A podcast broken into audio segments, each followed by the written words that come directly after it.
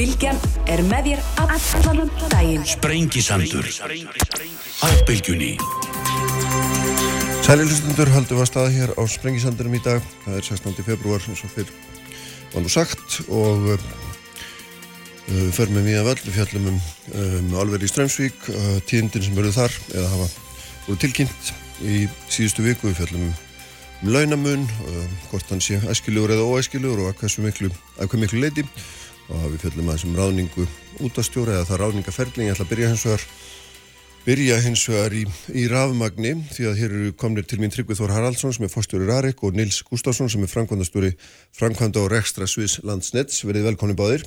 Takk fyrir. uh, Ástæðan fyrir því ég fæ ykkur hingað er auðvitað svona aðeins til þess að taka púlsinu á, á hérna, stöðunni á kerfinu eftir þetta óveður sem það gekk yfir og hérna uh, í desember þá satt ég hér með aðra fulltrú ekkar hálfu þá vorum við að tala um hérna miklu alvarlegri hluti reyndar en það er samt svona forvittnilegt vegna þess að aðeins að fjallum þetta vegna þess að það kemur nú fram á hérna, heimasýður Arik að það hafi sko 5600 heimil og vinnistæðir orðið, ram, orðið ramaslaus Tryggvi hérna, er þetta meira en þið áttu vona á?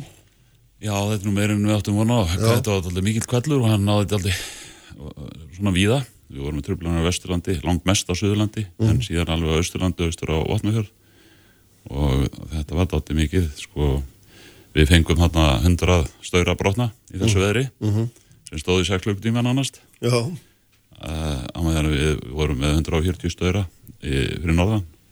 já, í, í desember. Já, Já, þetta er daldið, þetta er mikið. þetta en- hefur verið hasta, hastalugu kvöldur Já, mjög hastalegu kvellur en, en, en ka- kannski má segja kosturum að sá að, að þetta, þetta stóð skamt yfir þannig að menn gáttu farið svona komist í viðgerðir eiginlega þarna bara mannast eftir hátið á höstdægin og, og síðan þá má segja að menn hafi verið að.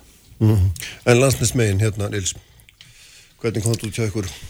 Já, þetta var nú kannski við áttum von á talsvert af tröflunum en kerfið stóð sér bara þokkalega við, við áttum von á einhverju en, en hérna þetta er náttúrulega sama á í desember við erum að glíma við sömu vandamálun þetta eru þessi svakalegi vindur ísing og selta. Í desember var þetta náttúrulega norðanáttin með svakalegum ísinga og seltu áraun á, á norðuströndina Já, en núna var þetta austanáttin mm.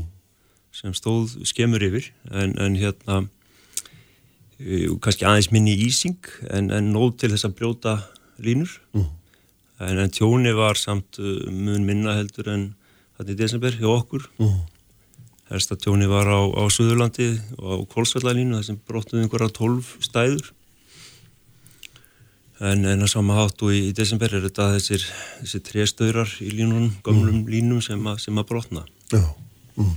Er svona undirbúningur að þið voru nú hérna held að menn hafa svona já, gaggrind rámarsfyrirtækina aðeins fyrir að vera ekki nógu vel undirbúin í desember. Hérna, vera ekki með mannskap á réttum stöðum og vera búin að færa hérna var stöðar á milli staða í, á skakka staði og svo framvegis og á þessu voru nú sérstætt ágæta skýringar á hverjum tíma. Það þetta veður kom kannski daldið ef var verið en menn heldu og svona afdreifaríkar en hvernig var þetta núna, voru þið betur undirbúnir eða öðruvísi eða lærðu þið eitthvað eða hvernig svona Já, við hefum lastið vorum nú ekki sammála því að við höfum ekki verið vel undirbúin í þessu, við vorum mjög vel undirbúin. En, en það var bara þannig að eh, eins og í okkar tilveiki við erum með 75 tengivirki út um all land og við getum ekkert manna þau öll og við veitum ekki þessi veður eru þannig að þau eiga uh, fara út um all land. Mm. og það er allir staður undir. Og við höfum mannað svona þau tengivirki þar sem við höfum fengið ákveðin stýringamandamál en, en hérna, við veitum aldrei hvar verður hvað þetta skellur á. Í, í hérna desember þá var kannski helsta vandamáli með hrútatungutengivirkið, eitthvað sem við höfum aldrei séð áður og þekktum ekki áður og var raun og verið ekkert að gera nema þegar veðri var sem stótti niður. Núna gerðum við voru bara sama hátt, við undirbyggum okkur mjög vel, mm. mönnuðum örgulega 10-15 tengivirki og dreifðum svona flokkonum okkar svolítið og tækjónum út um, um, út um landið. Þannig að við vorum bara mjög vel undirbúin Já. í þetta en, en hérna, helstu strömleysin okkar í þessu veðri núna mm. föstudaginn voru kannski já, höfni hotnafyrði það sem var um 5 tíma strömleysi út af ísingu á tengivirki og svo síðar um daginn í, í Breiðadal á vestfjörðum í Önnetafyrði þar sem bara tengivirkið uh, var fullt af snjó og ís. Já, og ekki þetta að gera nema móka og reynsa. Mm. Það var cirka 5-6 tíma strömleysi þar. Já, akkurat. Og svo voru náttúrulega hérna, svo voru náttúrulega alveg tíðindi í Vestmanni líka. Já, og svo var þessar tvær línur sem að byljuði hjá okkur á Suðurlandi, Korsvallalínu og Hellulína sem eru aðal fæðingin eh, frá búrfellsvirkjun niður á Suðurlandi sem eru austan Þjórsár og Vestmanniða að það, það fóru báðar mm. en, en við áttum eina gamla línu frá heldur 1947 sem að liggur frá Selfossi að, að hellu oh. sem að drífi nú ekki mikið en hún, hún getur flutt um 15-20 megawatt og hún bjargaði okkur verulega oh. en það þurfti náttúrulega að skerða og spara rammagn á þessu svæði í Vestmannum oh. og, og þarna Suðurlandinu og keira dísel aflamóti mm -hmm. Ég vil nú bara taka undir þetta sko, við náttúrulega undirbyggum, undirbyggum okkur rosalega fyrir veðrið hérna í desember. Uh mhm. eh, -huh. það var, þar var kannski spáinn svo að, að við höfum undirbúkur eh, fyrir all landið. Og, og við erum með 20 starfstöðar og við erum með 40 dísivílar og við vorum að dreifa þessu eins og, eins og við getum og mannskap og þetta, það sama gerðum við núna, munurinn kannski sá að, að eh, fyrir norðan að þá, þá stóð veðrið alveg sko í 2-3 sólaringa og við vorum bara með við vorum með strömleysi í tíu daga frá, frá flutningskerfinu og, og hérna vorum að fá bara snemt veður í, alveg í viku meir og minna einhver starf svæðinu e, að meðan að núna þá, þá hérna gekk þetta rætt yfir. Og það var að vísu þannig í gær þegar það var verið að vinna til eigafellunum að það eruð menn frá að hverfa. Já, já, og við já. vorum að senda varaviðlaustur á, á höfn, e, notuðum hana síðan á klöstið til að keira mótið Suðurlandskerfinu vegna þess að það er svona veikt frá flutnings vegna flutningskerfisins uh, en, en uh, þetta, það, þetta stóð þannig sé að stutti yfir þó að það verið erfitt að vinna í gær. Mm -hmm. og mennur frá að hverfa en, en það er aldrei, það, það er að þýleitunni til öðruvísi að, að hérna, við vorum bara að glýma uh, eins og reyndar var á förstu daginn þegar okkar menn voru að fara að stað á förstu daginn, á förstu dags morgunni ætlaði að reyna að komast út sko á kvalsvelli þegar þeir lögða staða þá bara fóru þeirra rúður úr bílunum sko. þannig að það, það var bara ekkert hægt að gera Nei, það er ekkert að leggja menni þá hættu að Nei, var, það stóð lengur fyrir mm. norðan mm.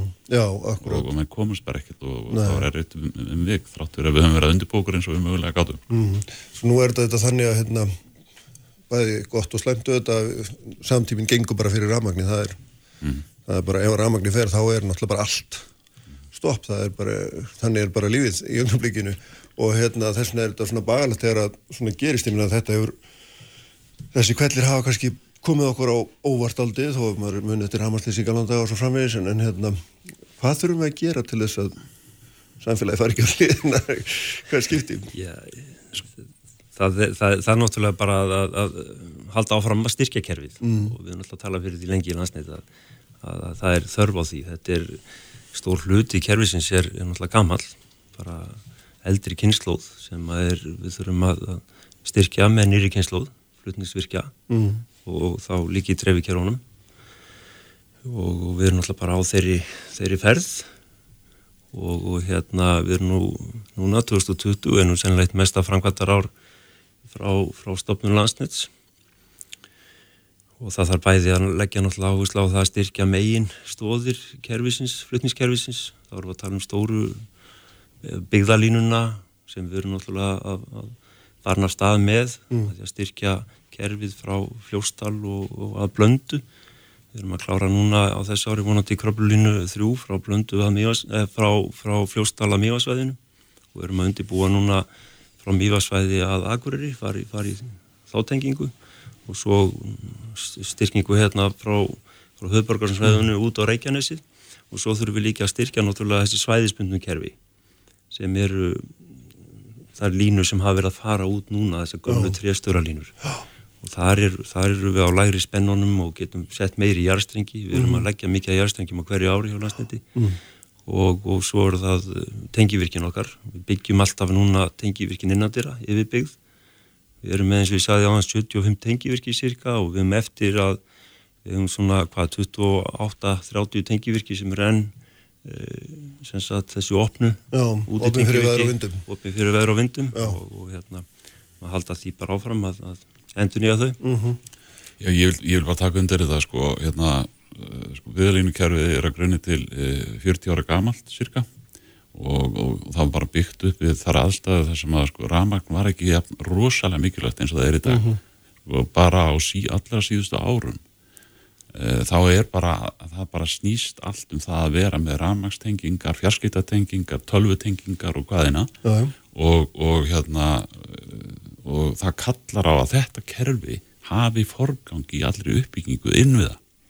Og, og þess vegna höfum við svona dálítið verið eh, okkur hefur svona liðið dálítið illaði við því hvað hefur gengið illa að, að, að, að fá að byggja það kerfi upp og hérna vonandi hérna svona ekst skilningur á því og auðvitað þarf að vanda sig í því öllu. Við höfum hjá Rarik verið að endur nýja dreifikjörðu okkar og höfum endur nýja lagt um það byrjum 200 km strengjum á hverju ári en það er gríðarlega umfangsmikið kerfi. Já. þetta er eitthvað 9000 km og, og þó við séum að leggja 200 km við höfum 3000 km eftir, það er 15 ár við að leggja 200 km ári Mhm.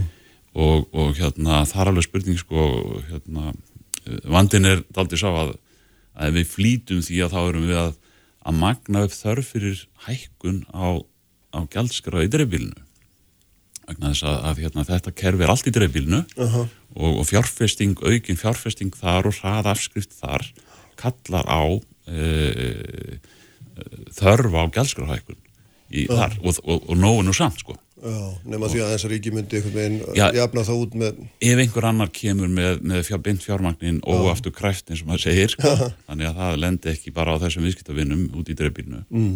en, en þetta er bara verkefni og ég held bara að þetta verkefni er, er bara þess eðlis að, að nútíma innviðir þarfnast ramags og ramagnir eru þetta hluti af nútíma innviðum. Já, og, og hérna En er þetta þannig að, að, að sem svona kvellir, við gerum nú ráð fyrir að þeir séu kannski frekkar viðvarandi en hitt, þeir munu valda okkur þessum vandræðum nema því aðeins að við komum öllum strengjum í, í jörðina. Er það líkiladriðið fyrir utan það sem hún nefndir áðan hérna Níls um, að byggja yfir Já, og flutningskerfið fyrir aldrei allt í jörðina. Það er, það er alveg ljóst.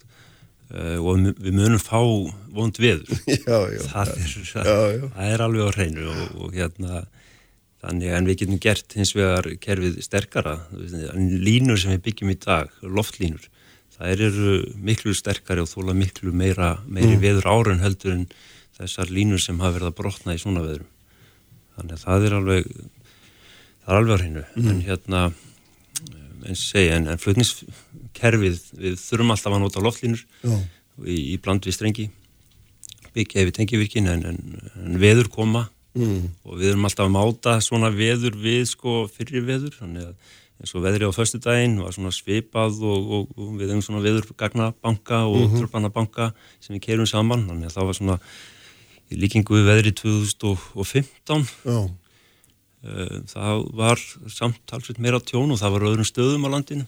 Veðri sem við fengum í desember það áttum við áttum ekki til neitt sambarilegt nei, það var talað um einhver veður sem voru 1960 og eitthvað. Ég man ekki þessi þeim. Nei, nei, 50 ára viður já, akkurat. Nákvæmlega. já, já, já, já, ég er bara hérna, það er þetta bara mikilvægt að reyna að koma því í jörð sem hægt er að koma í jörð því að það auðvitað gerir kerfið svona veður óháð. Mm. e, og, og sama hérna, við höfum þetta líka verið að byggja yfir okkar stöðvar og það sé nú ekki ykkur um þrjú eða fjögur ár þá til að við erum með allar okkar stöðvar inni.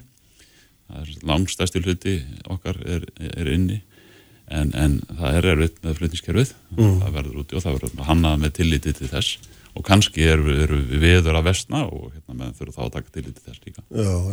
Hvað, hva, sko, eru þið búin að meta allir með stjónið í desember í krónum og öðrum? Vitið þið hvað var mikið? ég hjá voru, eru búin að skjóta á það. Það er svona sem sagt, viðgerða kostnaður og, og með eh, svona dísel velakeislu þá er það svona á bylunu 350-400 miljónir Og það er bara með, með öllu. já, í, já, Já, hjá okkur er þetta var þetta svona eh, um 200 miljónir en, en, en eh, hluta, hluta til erum við að fresta því að fara í viðgerir og erum að flýta fjárfestingum á þessu ári. Það var ákveðið að flýta fjárfestingum um, á Norrlandi um 230 miljónir og taka þá stóra hluta því sem að fór vest í desember í jarstrengi og það er endar búið að leggja eitthvað. Eh, við munum halda áfram að leggja svona eftir því sem hægt er í vetur og síðan í sumar. Þannig að það er svona ég, eða, það fyrir eftir hvernig maður lítur á það. Þetta er viðbótu på 230 miljónum þessu ári en, en, en svona raunverlu viðbóta kostnæður er kannski þá flíti kostnæður á því sem er að meðaltali kannski um 2,5 ár mm -hmm. sínst okkur á þessum verkum.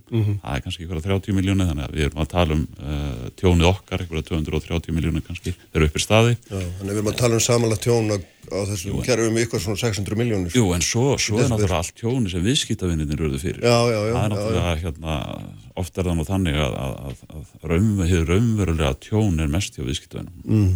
En það er samt 600 miljónur nú. Já, já. Það eru nokkra krónur. Mm.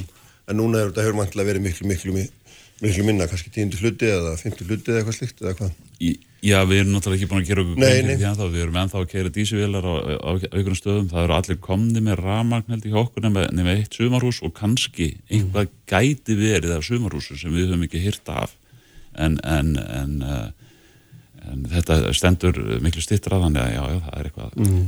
talsveit minna. Það er samhæðalansætti, það er talsveit minna núna. Já, Hva, hvað með svona stað eins og, eins og vestmanni er að því að maður tók náttúrulega til því að það er heilt bæjarfélag upp á hann 4500 mann sem einhvern veginn býðum mínútu fyrir mínútu og er að býða eftir í bara rafmagnið hverfi og hann er með eitthvað varaafl sem dugar skamt og búið að leggja inn alla starfsemi og loka öllu og, og hérna, helst á að nota kertaljósun allar þess að spara Já, já, það það er ekki gott.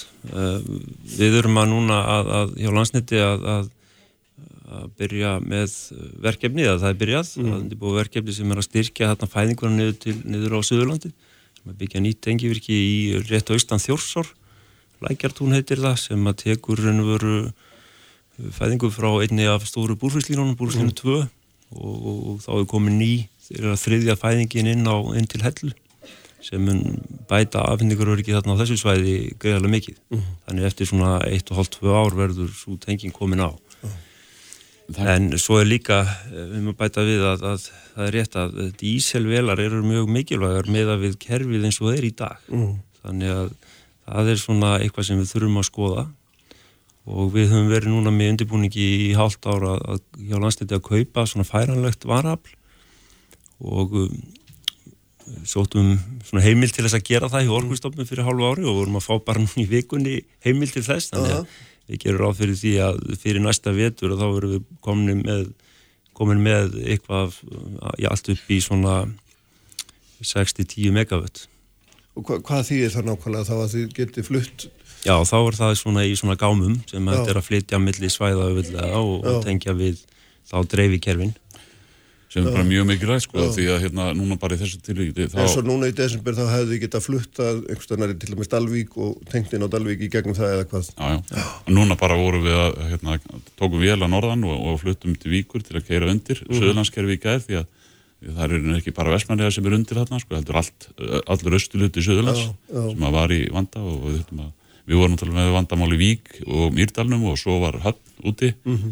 og, og, og, og, og Nesin og, og allur hotnafjörðu og erum núna sem sagt komnir með vél til hafnar vegna þess að það er aðeins að laska kerfið þar. Það, það var þarna í framhaldi af, af veðrinu í desember og þá, þá fengum við mikið sjokk á kerfið og skemmtist þar bæði spennir og strengur nýra á höfn. Þannig að hérna, við erum með aðeins laska kerfið þar eins og er. Erum að keira undir bæði í öraðunum og, og hérna og í smillu, smilluberga ávirkjum já, En þetta er bara, já, það, þarf bara að styrkja grunninn við hana á austanverðu Suðurlandi og þessu litinu sko og, og dísivélar, færanlega dísivélar eru bara mjög mikilvæga til þess að geta bröðust við vegna að við erum þetta, í, í, í daldi stóru landi og við getum ekki verið með varablastar en að geta flutta á staðin á nokkru klukktímum er mikilvægt. já. Hérna, við þurfum að fara að ljúka þessu og þetta var búið að frálægt en mér langar að spyrja ykkur um eitt í hérna alvegina því þið eru sérfræðingar í, í hérna, dreifingu rafmags og nú barustu tíðindi í sístu viku að þarna uh, verið væri endur skoða rekstur alveg sinns í Strömsvík, alveg niður í, í smestu atriði og hugsanlega er, eða gæti verið að, að, hérna, að lokun væri einna möguleikunum. Og, og þarna sko þá fara menn strax að tala um það að við getum bara að nota orkunni eitthvað annað. En, en hérna sko er það hægt? Er ekki, ekki starrend svo að ef að þetta alveg skrúar fyrir sína orkunótkun og þá liggur svo orka bara ónótuð af því að hún verður ekki framleitt eða hvernig, hvernig virkar þetta eiginlega? Já, það virkar þannig að eh, ef rammagn er ekki notað, mm. þá er það ekki framleitt. Mm -hmm. í, þannig að, eh, og, og þetta snýr þá að vatninu, að lónunum mm. í virkjunum landsins. Þannig að þá er það bara vatn sem fer ekki gegnum túrbinunar og, -hmm. og, rennur það fram hjá stöðinu og til sjávar. Já. Það er einfallega þannig að, að, að hérna, rafmagnið er, er þannig að það er það þarf að framlega um leið, leið og það er notað Já. þannig að þá er er það bara svigrum til þess að nota það eins og segir kannski en það þarf þá að vera eitthvað ála einhverstar annar staðar mm -hmm. og, og uh, þá skiptir máli ef það kemur eitthvað nýtt í notandi einhvers staðar, segjum það Já.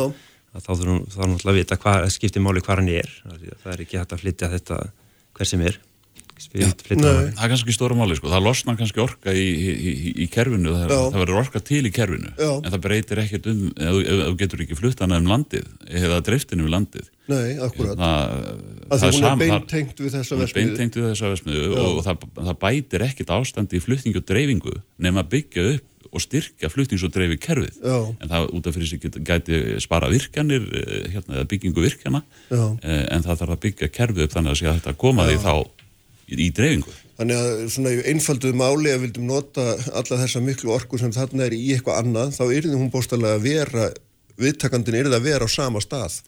Er það ekki? Já, þetta komum við að náttúrulega styrk flutniskerfis. Já, en eins og það er nú. Að, að, að við getum ekki flutt þessu orku til, segjum bara, til hafnar í hotnafyrði. Það er byggðalínu ringurinn náttúrulega eins og við mátt talað um.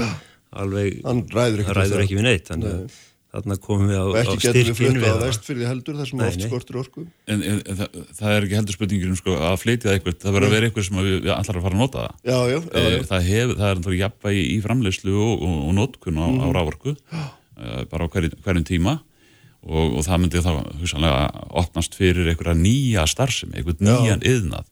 Það þarf náttúrulega að vera gríðarlega mikill yðnað til þess að til þess að taka mótið því. Já, já, en bæði er þannig að vera mikill, en hann er því líka því að, svo ég skildir rétt, að vera á þeim já, slóðum já, þar sem dreifukerfi getur flutt orkuna til að smöðurum orðum. Nefna það sé bara byggt upp nýtt flutningskerfi. já, það er raun bara það sem þarf.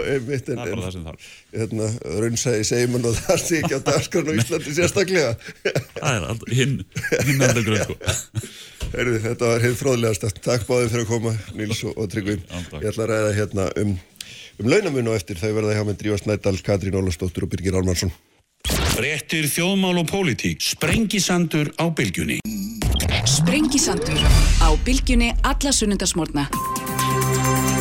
Sælir aftur hlustandur, þeir eru farnið frá mér Tryggvið Þór Haraldsson, fórsturur Arik og Nils Gustafsson sem er framkvæmdastjóri framkvæmda og rekstarsviðs landsnits vorum auðvitað fjallaðum hvernig Ramaskerfið hefði orðið úti í þessu síðasta óveðri svona með hlýsuna því sem gerðist í desember en nú ætlum ég að fjallum alltaf aðra hluti fjallum launamál, uh, launamun og þess aftar, hérna þau eru sérst hjá mér Katrín Ólastóttir sem er lektor við Háskólinni Reykjavík, vinnumarkas hagfræðingur, er það ekki réttu, réttur titill, svo öllu sér til haga haldið. Jú, jú, á rétt.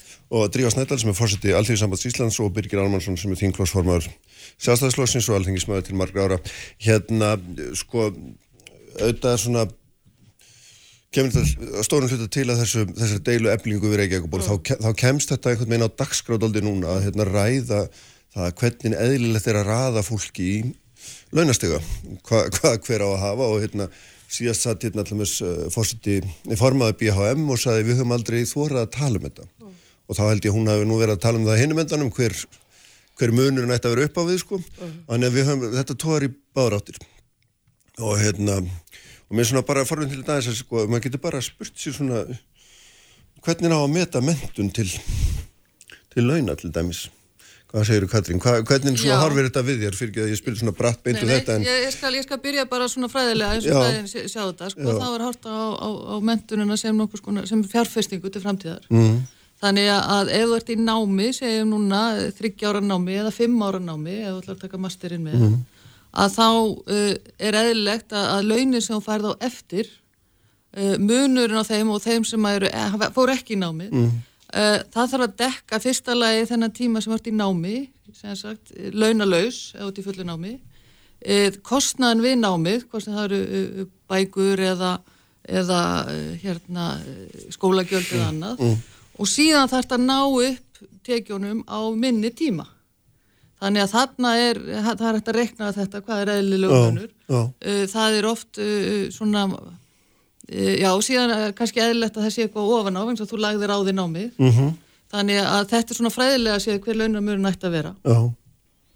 Og hvað, svo fara menn að rekna? Svo fara menn að rekna og menn rekna gætnan, það er mjög alltaf mismunandi eftir því hvaða, hérna, hvers konar námið er um að ræða. Já. Og það er ekkert óalgengt að svona amerískar, já, svona, það er svona mjög mismunandi tölun alltaf, kannski frá 5 og upp í, í 50% kannski. Já. En, en já, En hvað, hvernig horfur þetta við þér, hérna, Dríðagnar, sem nú er þetta verið að, við erum að hluta til að tala um að svona, setja inn einhverja leiðréttingu og, og, og svona leiðrétta lagstu launin, en við erum líka að tala um að svona endur með þetta verðmæti starfa, ef svo maður segja. Já, uh, og það er kannski sérstaklega endur með þetta verðmæti umönnastarfa og, og kyn, kynjarastarfa, hvernastarfa en ég, mér finnst svona að metta mentu til launa svona mest óþólandi klísjan í kjærabartu mm -hmm. uh, af því að það eru allir að beita henni. Og það er aldrei farið á dýftina. Og það er aldrei sagt hvað meiniði með því að metta mentu til launa? Þessna fengu við ég mynd og, og ég bara þakka fyrir þetta. Þetta er mjög áhugaverð samtal. Uh, við munum eftir því þegar sko læknar fara fram og segja að það verður að metta mentu til launa. Svo er leikskólakennar að fara fram og metta mentu til launa. Uh, ástæðan fyrir því að, að það séu einhver rauk fyrir því að mentaðir er að vera með herri launhaldur en hérna, þeir sem hafa ekki gengið en hefbunda mentaveg uh, er náttúrulega að fólk er á námslánum. Mm. uh, og fólk er ekki greið lífur sem verður að tekjum á þessu tíopili uh, þannig að það er svo sem alveg rauk fyrir því að fólk eigi hérna eigi að vera eitthvað aðeins herra launað eftir að búið að menta sig. Hins vegar hef ég alltaf vara við því að það sé efnahagslegu kvati til að menta sig. Uh, það er að segja að mentun er góð í sjálfri sér mm -hmm. og ég held að mjög fáir fari í mentun af því að þeir sjá einhvern sérstakann efnahagslega kvata. Um, allar svona mestu framfærir og fólk sem er að gera það besta í tilverunni það er að menta sig óháð því hvort að það fá endilega greitt fyrir það. Ég efast um að Hildur Guðnadóttir hafi uh, ákveða að menta sig í tónlist af því að það var svo um auðan garda gresja þar. Mm. Hins vegar sko framþróun okkar sem samfélags byggir á því að fólk gerir nákvæmlega það sem hæfilegar þeirra og, og hugur stendur til. Og það skiptir máli að, að, að hérna menta sig vel. Eins og það er um, atunlífið okkar er að breytast mjög mikið. Og uh, ég uh, tel að um, fjöldi þeirra sem eru háskólamentaðir sem eru að vinna ófælega störf hafi fjölgað mjög, mjög mikið og þá eru að tala um því sérstaklega í ferðarþjóðstunni. Mm -hmm. Þannig að það eru marg, margar hliðar á þessu peningi og atverðlífið okkar er breytast og við þurfum að taka tillit til þess líka í þessari umræði. En, en segja... ég vil sem sagt segja það ja. að þegar fólk fer fram með þetta, með mentu til launa, uh, þá þurfum við aðeins að kafa dýbra í það mm -hmm. og það eru leiðir til þess að metta mentu til launa sérstaklega í gegnun áslanakerfið og það er náttúrulega verið að breyta því einhverju leikir núna. En þér finnst þess að svo þekking sem þú nærðir í með einhverju aukinni mentur, langri skólagöngu, hún eigi ekki að vera neitt sjálfkrafa ávísun á það að þú fáir einhverju tilteknar tekjur umfram þar sem að, ég veit ekki, meðaltekjur eða lágartekjur eða hvað svo sem að... Sko ef að við ætlum að ræða tekjusetningu, mm -hmm. uh, þá uh, er frumskilir að fólk getur lifa á launum sínum svo skulum við ræða hitt. Við þurfum að koma þeim lægst launu upp í það sem kostar að lifa. Já, já, en ég var, já, já, ok. Já, já, hörðu, allt í fína, Birgir, hérna frá hægri, þú horf frá þetta frá hægri ég myna Já, ég sitt nú hérna lengst til minnst Já, reyndar. Nei, en, en ég er auðvitað eh, sammála mörgu af því sem kemur fram hjá bæði Katrín og Drífu og, og eh, sko, í sjálfu sér er eðlilegt að eh, það komið með einhverjum hætti fram í launakjörum ef fólk hefur eh, aflað sér, afla sér eh, mikill að mentunar og auðvitað er það einn af þeim þáttum sem þarf að hafa í huga. Mm. það eru auðvitað svo margir aðrir þættir sem hafa áhrif á það hvernig, hvernig, hvernig, hvernig launasetning einstakra hópa e, kemur út. Og e, það auðvitað hérna, eins og við þekkjum, ég menna það eru það er bæði að einhverju leiti spurningum ábyrð, það er að einhverju leiti spurningum e, frambóð og eftirspurn. Við náttúrulega erum með e, launakerfi eða launa, mm. sem byggir að hluta til á e, heldarkjara samningum en að hluta til á eh, annarkvort sérstökum samningum fyrir einstakka hópa eða jafnvel einstaklingsbundum samningum. Þannig að það eru þetta margir aðri þætti sem spila inn í líka en, en, en ef spurningin er einfallega svo er eðlilegt að eh, mentun skilir sér í launakjörum þá er svarið já. En faktorarnir eða mm -hmm. þeir áhrif að þættirnir hljóta að vera miklu fleiri þegar málinn eru skoðuð helstætt mm -hmm, mm -hmm, Katrín, hérna já, ég veit ekki, ég segir að fólk far ekki í nám til þess að afla sér hæri tekna, ég veit ekki hvort það er rétt ég, ég ætla að lega mér að draga hans í efa, en hérna já, það er aftur, ég minna, við svona erum alltaf að reyna að það er lítill munur á launum á Íslandi, það er mikill launajöfnur ekki satt? Og þegar að hinnir lagslönu fá umtalsverða hækkun ef við segjum sem svo, þá verður náttúrulega konir alveg upp að hinnum sem telja sig eiga eitthvað inni vegna þess að þeir hafi fórnað árum og tekjum í að safna sér einhverju þekkingu sem að hérna nýti síðan. Þetta, hvernig, hvernig leysum við úr þessu? Þetta, þetta er stórstu spurt, jú, það er, það er við erum með minni launadreifingu heldur um flestar aðra þjóðir og mm. það er uh, Er það eftirsóknum verð? Það mörgulegt er það það, já. Það er það vegna þess að það þýðir það að það er ekkert, já, já það er ekki mikill munur á þeim legstu og hæstu mm -hmm. með einstökum undatengjum. Við, við erum mjög fann að sjá fleiri ja. undatengingar að því hér. E, þannig að ég held að svona í samfélagi sem byggir á svona hugsuninu jöfnu, þá er það bara mjög gott. Og ég held að það sé til þess e, vinnandi að halda í þessa jafnaðar hugsun út af fyrir sig vegna, sagt, þannig að við höfum öll mjög svipu lífskjör. Ég held að það sé bara mjög, mjög eftirsóknarvert. E, það sem þú bendir á er það að ef þú lækkar lækstu launin og, og þá fer það að rekast upp í næsta hóp, þetta Já. er náttúrulega þetta launa samningskerfi sem við erum með sem að við erum búin að vera með hérna daldi lengi og, og hjálpaði nokkuð til að halda upp í 35% verðbólgu á ári í 20 ár þannig að það er svona spurning hvort að það, við þurfum ekki að endur skoða það Drífa nefndi hér aðan að svona kerfislegt eru pennastjættirna svolítið læri mm -hmm. og, og þannig að það er svona spurning hvort að, að það sé ekki svona kannski ykkur að leifa frá 1970 sem er tímið til komin að endur skoða. Þannig að mörguleiti þessi, þessi staða sem við erum í dag held ég sé svona aflegging af þessu launa uh, samningskerfi sem við erum með.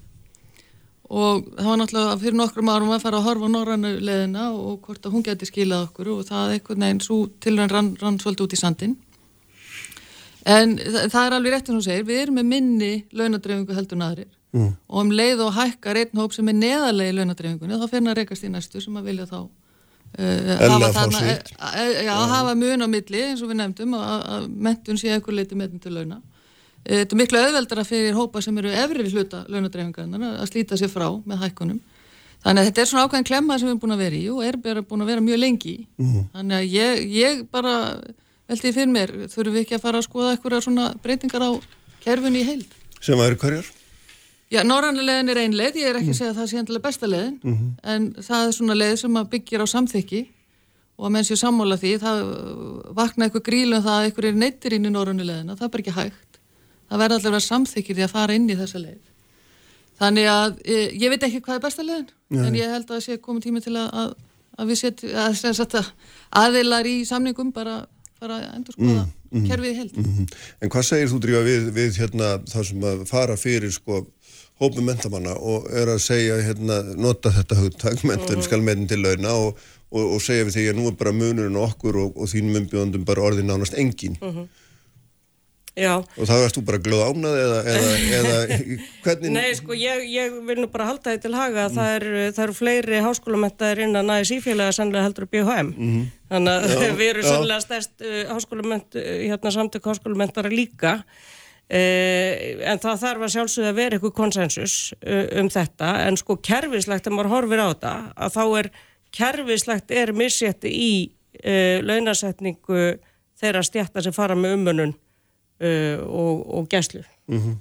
og það eru hérna hefðbundu hvernig stjættir og ég hef sagt áður að við erum ennþá að býta nálni með það að hérna að uh, það hefur ekki uh, störf sem konur unnu áður ókipis uh, hafa ekki verið rétt verðlögð. Og það, það er stóra málu og það er, er viðfarsefni sem við dílum við í dag.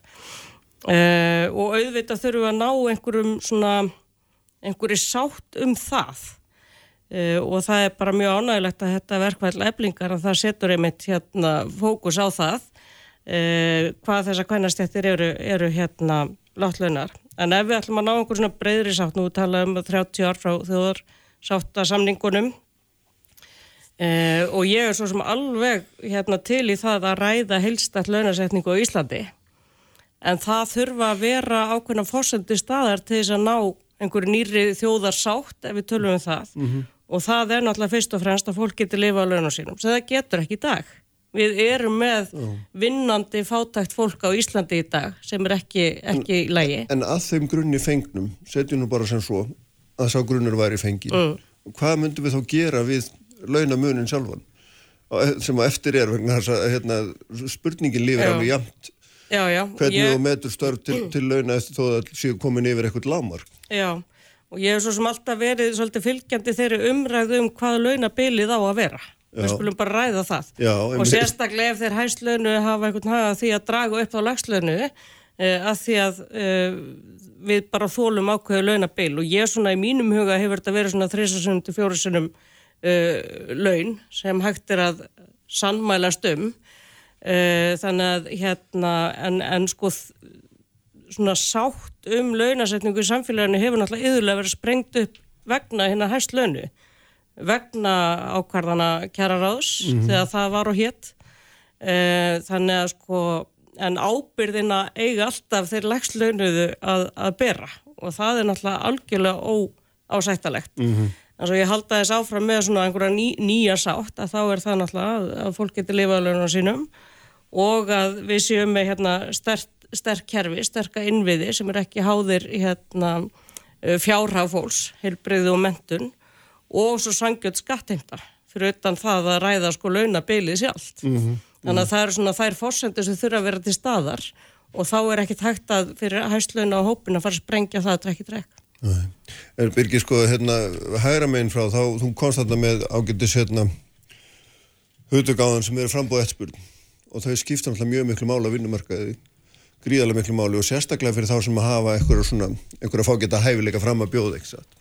Jú, jú, og auðvitað fyrir fleiri líka, ég meina að það er auðvitað misjöfn eftirspurn eftir starfsmönum í mismunandi eh, tegund, tegundum eh, starfsemi og mismunandi tímum og það er eðlert að það með einhverjum hætti skilir sér í launakjörum, ég menna þegar að eh, ef við bara tökum eitthvað dæmi að, mm. að, að þegar að það er mikil eftirspurn eftir fólki með eh, sko eh, mentun og reynslu á sviði sko hugbúnaðgerðar eða annað þess áttar, þá er eðlilegt að það skilir sér inn í kjör þeirra og svo má lengi telja en uh, sko vandi okkar er náttúrulega hluta til sá að, að e, það er verið að semja um e, kaup og kjör á svo mörgum mismunandi e, stöðum mm -hmm.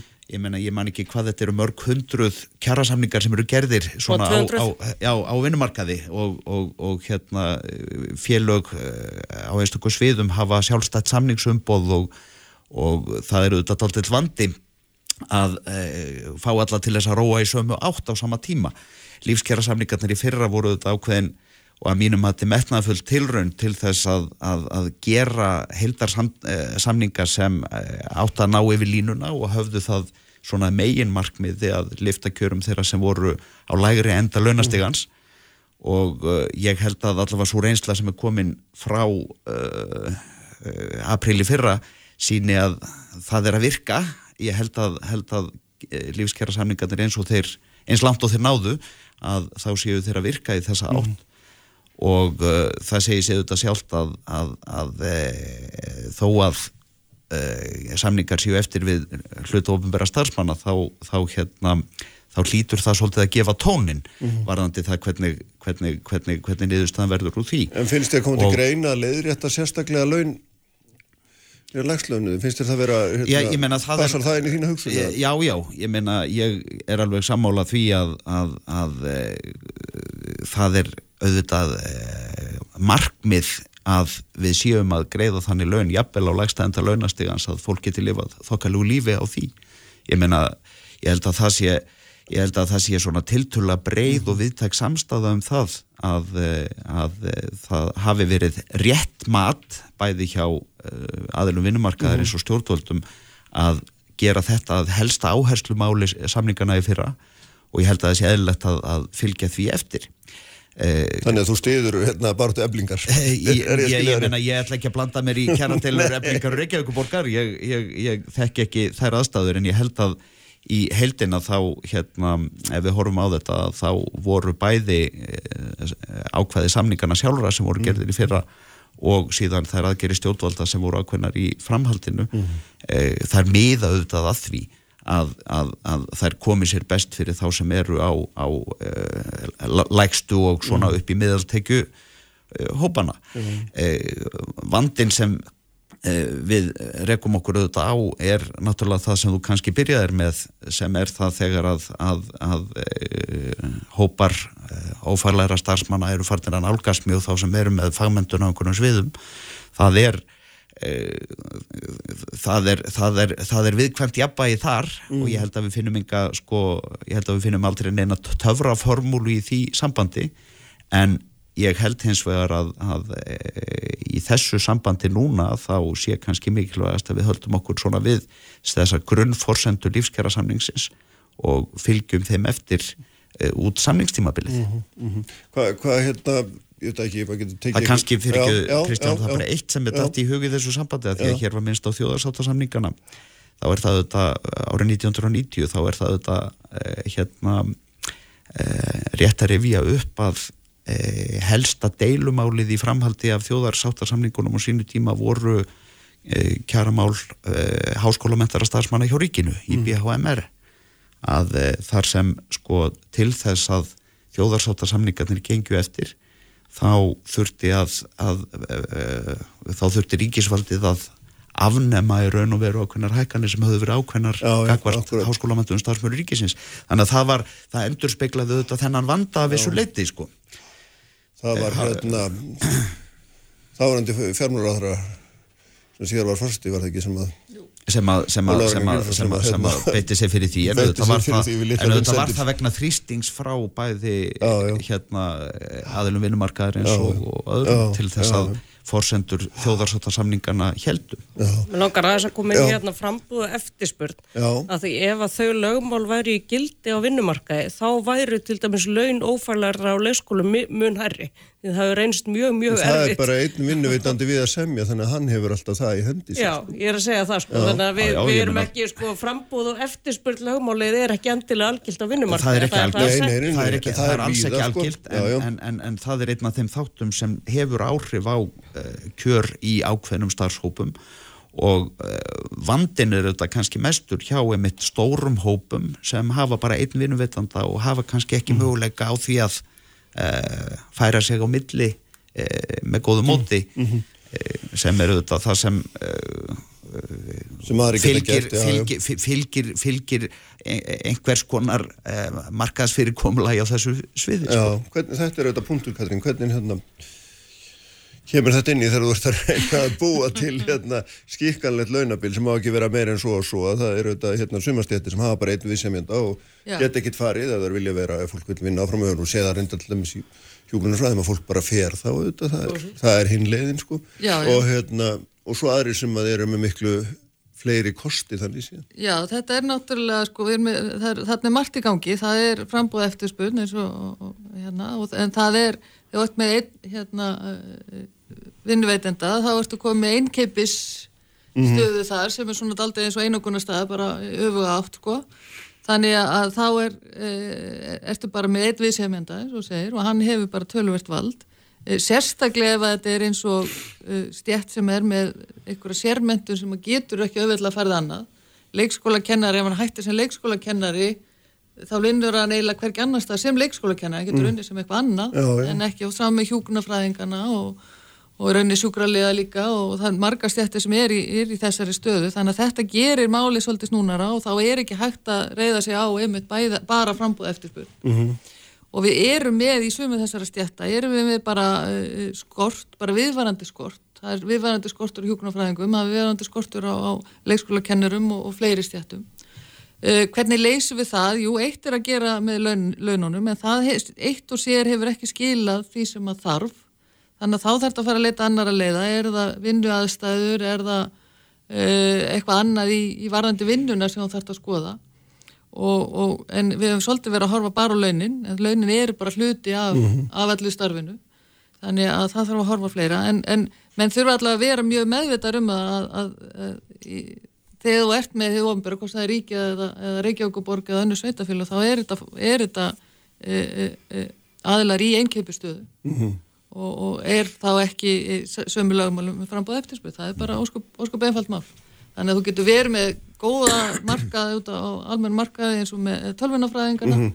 og það hefur eitt sem er reynst ríki og setjafélagum erfitt að fá hérna e, góða forritara inn eða tölvunafræðinga inn á þeim kjörum sem þar er í búði þannig að það er svona bara einn, einn ángi af þessu en e, þetta er þannig að þarna þarf að bara horfa aðra hluti heldur um beint hérna markas, mm. markas aðstæður Já, hvað hérna drífa sko, þú veist, ég veit ekki, kannski ljósmaður sem eru hjúkunafræðingar og fara svo í ljósmaðunum uh -huh.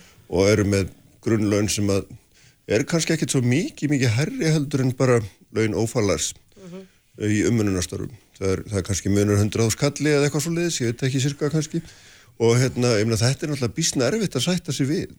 Uh, já, það er áhugavert á nefnir ljósmaður mm. af því að það er kannski svipar vandi og leikskólakennarar lendi í. Mm.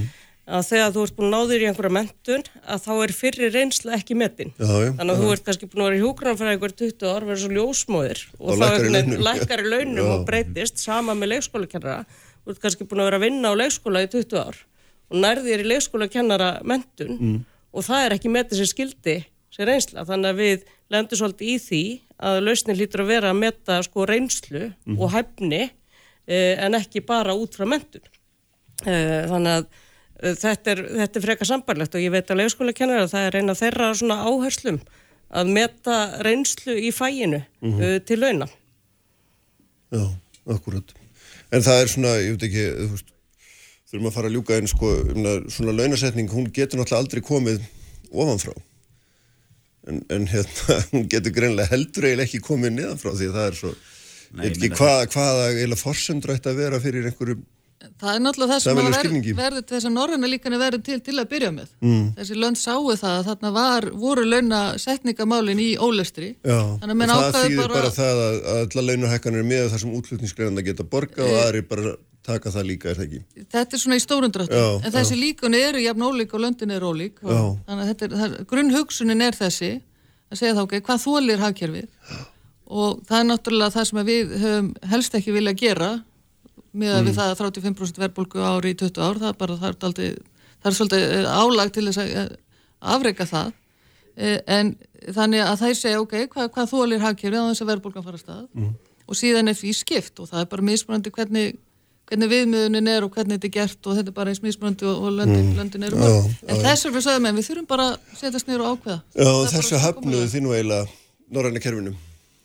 Já, eins og hérna bendir á að norræna kerfið er svolítið fjölbreytt. Eh, það er gríðilega miðstýrt mm. uh, og ég er í sjálf og sér ekkert sérlega flind miðstýringu. Mér finnst að verkefælsefingin eigi að vera líðræðislegt afl og vera nálagt fólkinu og það ég ákveða hvort það vilji fara í verkvall eða ekki, hvaða kröfur eru, hvort það er samþekja samninga mm. og svo framvegs.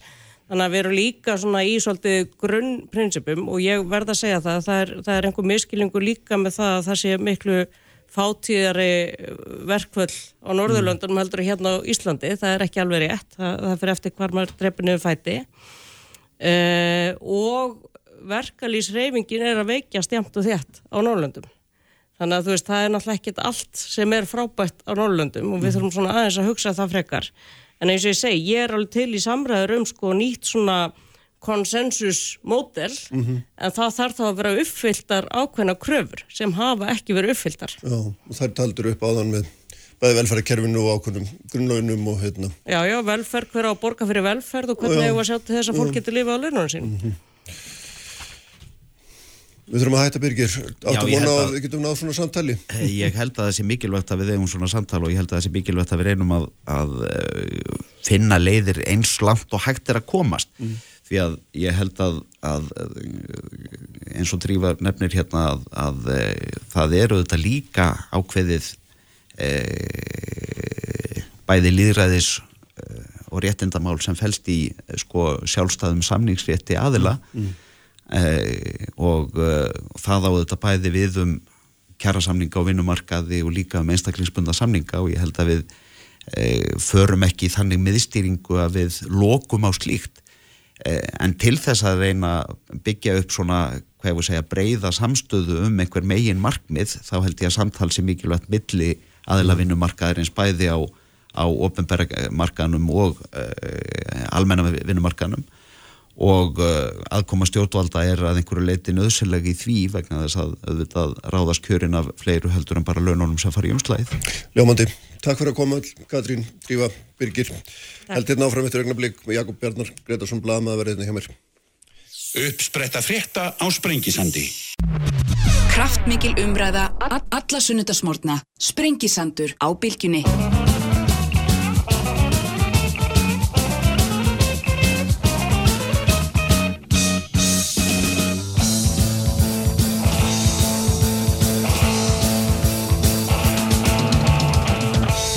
Sælir hlustendur aftur uh, Þau eru farin fram með Katrín Ólastóttir, Drífa Snæddal og Birgir Ármannsson og ég ávona á þeim Þordísi Kolbrúnu uh, Þorstinni Vílundsinni og Þorleisna Júliusinni hérna eftir.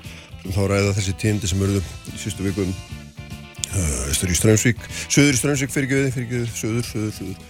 Hérna, En Jakob Bjarnar Gretarsson, blaðmaður í sestur hérna hjá mér, Jakob, velkomin Já, góðan og blessaðan. daginn. sko hérna uh, ég er búinn að, að liggja í mínum gamla yfirmanni og ágættafélaga Kára Jónassoni forman út af srásum og koma hengað þáttið þáttið þátt og hann hefur alltaf sagt nei. Sá mæti maður. Sá mæti maður sem öllu líka nú vel verður góða drengur í salli vita og hérna uh, vegna sem ég langaði að ræða þennan feril við ráning út af stjórnum svo þú hefur skrifað heilmikið um þetta og ert nú komið svo langt að þú kærðir úrskurð úrskurðar nefndar um upplýsingamál til umbósmanns alþingi sem þú vildi fá að vita hverju sóttum ég meina svona þessi ferill allur er hann ekki aldrei svona ólíkur því sem að fjölmiðl ætti að vera í ofnbæri eigu þar sem gagsægi ætti að vera? Nummer eitt. Að leiða ljósi? Já. Eh, Jú, maður myndi nú beinleins halda það að það væri tilgangu stofnunarinnar. Þetta er náttúrulega tví, þetta er svolítið flókin stofnun og staðinnar er mjög flókin og, og menna var látið svolítið undir höfu leggjast að skilgreina stöðinnar í samfélaginu. En auðvitað á er, er þetta fjölmiðl fjölmiðlum ber einfallega það liggur í hlutana segli að reyna að berjast gegn eh, þökkun berjast fyrir gegnsægi og það fór um ímsan mannin þegar spurðist að þeir ætluðu að halda því leindu hverju var að sækjum Já, gáðu það þó út stjórnin sem sagt, Kári og, og Kó já, að þarna væri 41 umsækjandi og síðan hófst ægilega mikill samkvæmisleikur þar sem að það var verið að ringja á mannskapin sóttir þú um, sóttir þú um? Og já. jú, jú, ég gerði það og þá kom bara frétt um það sérstök. Það var náttúrulega alveg afskaplega neyðarlegt í raun og veru þegar maður horfir á þetta svona tilbaka. En jú, þetta er og sko, og, og, það sem að fólk verður að hafa í hug ég sé það, þeir sem að vilja þessir hollvinir, svokallu ríkisútarsinn, sem eru nú kannski ekkit vinir í raun þegar til kastana kemur þeir vildu meina það að þetta ætti að vera fólki svona, fólk ætti að geta sótt um svona og það ætti að þurfa að spyrjast að þeir hafi verið að sækja um hitt og Já. þetta, þetta snýst ekki um nýstni sko. Nei. Þetta snýst ekki um það, ha, já, svo til þessum og eitthvað, sko stopnunin er í eigu almennings sem að hefur þetta hlutur sem við vorum að fara yfir á þann og almenningur á einfalda, almenningur á stopnunina og það og það og, og, og það lítur Það er að byrja að messa. Já, það er dætur mín að láta mig ekki friði, ég hef alltaf að vera snúast í kringu þær sko. Við hljóttum eiga fullan rétt á því að fá að vita hverjir er í pottinum svo við getum tekið upplýsta afstöðu til þess hvernig var staðið að ráðningunni. Mhm. og, og þetta er einlega orðin ansi löng saga. Þeir framlengdu umsóknarfrestin Já, já, um já, já. hérna, eina viku það gefur það til, þá til kynna að þeir hafa ekki verið allt og ánaði með úrvalið. Manni finnst það einhvern veginn líka í hlutanisæðli Já, það er ekki annar tilgangur. Um, síðan kemur það á daginn og enn og aftur verður maður að setja disclaimer á sína orð og það er orðið svo erfitt þetta á Íslandi, það er volið erfitt að fjalla um mál því að það er öllu tekið svo ægilega persónulega. En Stefán uh, hérna Stefán sem satt upplýsti það að hann hefði verið í fyrrihópnum Já, Eriksson sem síðan var ráðinn. Þannig að, já, akkurat, uh, lauruglustjórin já, þannig að maður veit ekki almennilega til hvers refinnir voru skortnir sjálfu sér. Nei. En, en, en svona er þetta einhvern veginn klúður á klúður ofan. Já, já, og einhvern veginn svona, já, akkurat hérna, svona í, þvert á þar sem við myndi halda sko, fjölmiðil sem vinnur við að upplýsa mál og vill að allir hluti sér opnir þegar það kemur honum sjálfum einhvern veginn, þetta er nú bara kannski allt og algengt að þá skella menn í lásins hratt og þeir geta sko. sko, svo, svo, þetta er svo mikið fúsk. Mm. enn og aftur með hullu verningu fyrir Stefáni. Stefán eh, veit Já, sára vil lítið sára lítið um fjölmira en sam, sama samt þeir sendu nú frá sér og Mörður Árnarsson eitt stjórnarmanna í, í stjórn Rúf OHF sendi link á e, sem sagt ég veit ekki hvað var þetta tilkynningu ekki var þetta frétt þar sem að stjórnin fer yfir það hvernig staði var að þessu sem að miða nú alltaf einu með það að þetta hafi verið óhjákvæmilegt, hann hafi verið langhæfastur. Já, sko, viljið er ebla tröst, þá er eitt þáttur í þessu máli sá að hérna að, þau voru einhuga, komið fram einhuga um það stjórnin að þau hafi staðið öll að þessari ráðningu einhuga. Síðan komst ég að því að svo var bara alls ekki. Það var tekist á um það, það er sem sagt eitt fulltrúi stofnarinnar inn í stjórn. Síðan fjallu atkvæði upp mm. fjögur atkvæði innan stjórnar eh, fjallu á þá leiða að þau vildu að Kolbrún Halldórsdóttir fyrirverandi ráðherra uh, myndi verða fyrir valinu. Fjórir eh, völdu Stefán Eiríksson. Uh, Stefán Eiríksson var fyrir valinu vegna þess að atkvæði Kára sem er skipaður af Lilju Dögg vegur þingra heldur en hinna. Ætlan hafið þá ekki tvöfalt vægi. Síðan ákveða þau í einhverju plotti og sko mér finnst alltaf eins og þessi stjórn líti á sig sem starfsfólk stofnarinnar fyrir ekkar heldur en stjórn okkar almennings til að hafa eitthvað um þessa stofnun og, og, og það hvernig hún er að, að, að hérna, velkjast um í samfélaginu er. Þa, í þessari greinagerð sem sagt já, sem að hérna byrta nú leind birt- á föstaskvöldi og, og enginn sá Já, PR gósar vilja nú meina þá sér best að byrta einhverju, en þá er skautað fram hjá þessu. Það er ekki nefnt einu orði.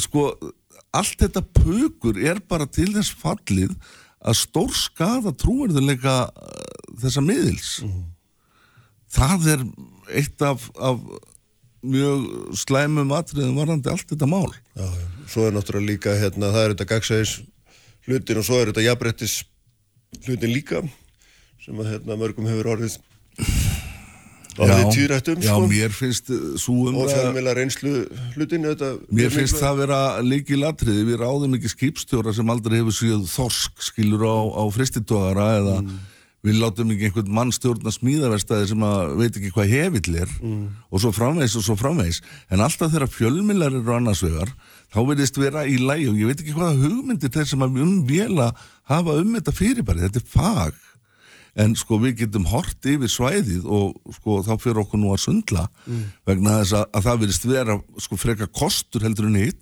Að vita nákvæmlega ekkert um fjölmina Já, þeir hafa verið að ráða tvo rítstjóra á fréttablaði sem eru báðir sko blöytir á baku eirun í þessu. Ekki þarf nú að hafa mörg orðum Davíð Oddsson sko sem, sem er sko katastrófa fyrir bara blaða með sko fjölmiðlunni í landinu að ráða þennan líkil, hvað, algjörlega bursið frá því hvað okkur finnst um það. Hvað hefðu þeir sem eru ánæðið með hans stöðveitingu sagt ef að Jóhanna Sigurðardóttir hefði verið ráðin rýstöður í morgunbladsins skiljiði, ég er ekki að tala um personur og leikendur í þessu. Heldur, sko, það er bara alltaf verið að ráða einhverja, nema reyndar hér sem að vita ekkert um það sem að þeir eru að fara að stjórna. Ég meina Warren Buffett myndi ekki fjá, hérna kaupa hlutabrif í, í, í fyrirbærum sem að haga sér á þessa, þessa lund. og þetta er náttúrulega bara til háðungarstjættinni já, já, já. og, það, og ég verða að koma því að Já, líka varðandi þetta að, að svo það sem að Kári hvað sagði hann eiginlega, akkur vildi hann ekki koma? Já, það voru verið svo margar skýringar á því. En síðast, nú síðast var það svo að stjórnin ættir að fara, að fara yfir málið og kortleggja það og, bara yfir málið? Já, hérna, en mér síndist nú að þessari tilkynningu í gæra að hún var búin að því. Já, en það var sem sagt og það kemur enda fram í þessari tilkynningu að það hafi verið frumkvöðla starf Stefáns á sviði um, upplýsingarmiðlunar í gegnum Facebook, er það ekki? Facebook væða lögguna Já. og nú er þetta pláa í samfélaginu og hefur verið núna hérna, þróun sem að hefur farið vaksandi þessi árátta fjölmiðla og stopnana sem er stopnanir er algjörlega fyrtka hvort þessu fyrirbæri sem við erum að vinna með að þær vilja segja af sér fréttir sjálf við erum komin, komin með þá stöðu núna að við erum með upplýsingaföldtrúar sem eru líklega miklu fleiri heldur en bladamenn starfandi. Þetta, þetta er þetta, þessar byggja vefsíður og sé, vilja segja af sér fréttir sjálfur sem að stangast náttúrulega á við eitt helsta bóðar bladamanna þú segir ekki að þið fréttir sjálfur eða sem að því sem að tengist dagsmunniðinum þannig að þetta, þetta kallaði fréttir þetta er bara upplýsingamengun.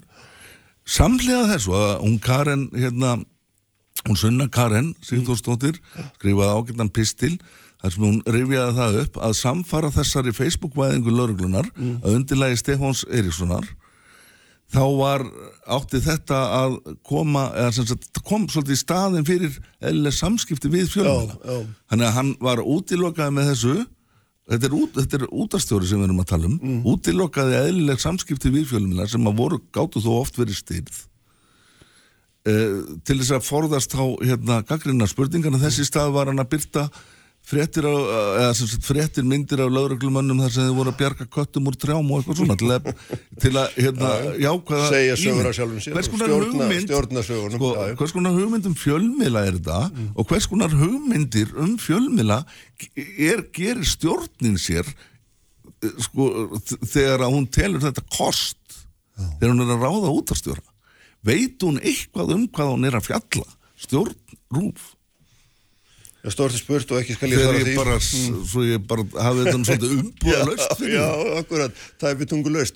En hérna, því þú, svona, eh, sko, bara í lokinu, þú, þú vart semst komið núna með kæru til umbúsmanns alþingis. Já. Um, hérna, það er svona, þannig að þetta er enni gangi í þannig séð. Sko, ég kærði málið uppháðlega til úrskurðanemndar um upplýsingamál. Já. Því að mér þótti þessi lein... Þá vildur þú fá að vita hverjir hefðu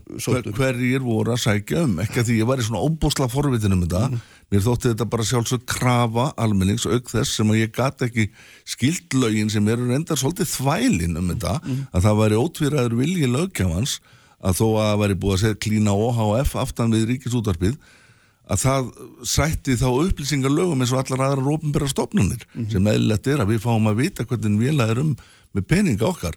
Úrskurðanemdin fyrir einhverja krísivíkuleið í því að komast að því að stjórnina hafi verið þetta heimilt Uh, ég vísaði þá því þeim, þeirri niðurstöðu mm. til hérna, umbósmanns alþingis sem að skrifaði mjög harðort bref þar sem hann benti mitt á þetta sem að ég, mér þótti nú einsýnt að vilji lögkjamans væri sá að rúf hérna, upplýstu málið eh, þetta er, þetta er mikið langkundur hérna, greinagerð mm. úrskurðanemndar oh.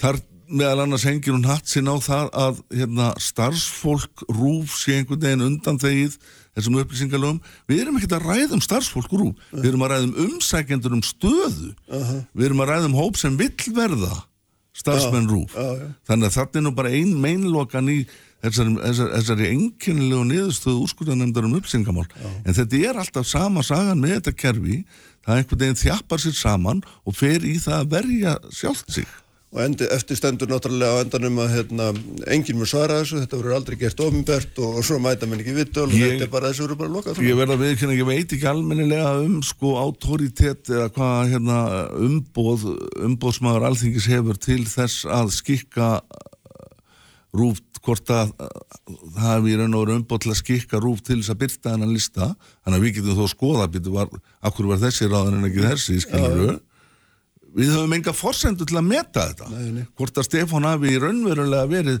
sá langhæfasti. Nú þegar hafa gefið sér fram uh, fullt af, af konum sem að er nú svona erfitt í fljótu bræða að sjá að standunum ekki framar hvað var það allavega í það minsta reynslu af fjölmiðlum og eða menningu. Því að þetta er, þetta, þetta er bæði menningarstofnun og fjölmiðl sem er nú kannski svolítið stundum erfitt að samþætta. Já, já Heyrðum, gott er, við komumst ekki lengri bíli. Hva? Alltaf sama sagan ég er. Takk fyrir að koma. Og hérna ég ætla að halda áfram að tala um Alvur í Strömsvík og þau tíðindi sem eru þar. Sprengisandur. Alla sunnudaga á bylgjunni.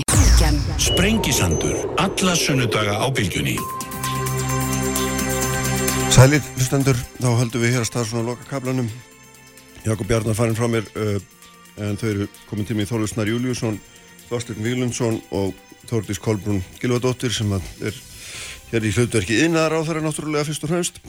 Þrjú þótt? Um, já, þrjú þótt, það er þetta rétt, ég sá það, þetta er mjög skemmtilegt. Hérna, og það sem við ætlum að ræða, ég ætla að fá að ræða við ykkur, er auðvitað þessi tíðindi sem örðu í, í vikunni eða tíðindi, alveg heldur svona þessi tilkynning sem gefum var út um það að að nú farir fram sérstök endurskoðun á starfsemi álversins í Strömsmík til að meta rekstra hæfi þess til framtíðar eins og þetta er orðað og hérna og hann aldrei tala bentur lókun í tilkynningu en, en svona menn dróð það álitun og það var með svo steitna kostunum og hérna þetta er auðvitað risastóru vinnustöður, kaupi gríðalegt magna orku uh, fyrir einhverja 15 miljardar ári skils mér og hérna vinna þetta 500 manns og, og sennilega tvefald fleiri sem hafa einhvers konar óbeina atvinnu Þannig að þetta er ekkit smá mál og þetta, þetta snýst líka um orkustefnu og dreifkerfið okkar og, og orkunýtingu og allt þetta. Að það er mjög mikið undir í þessu máli.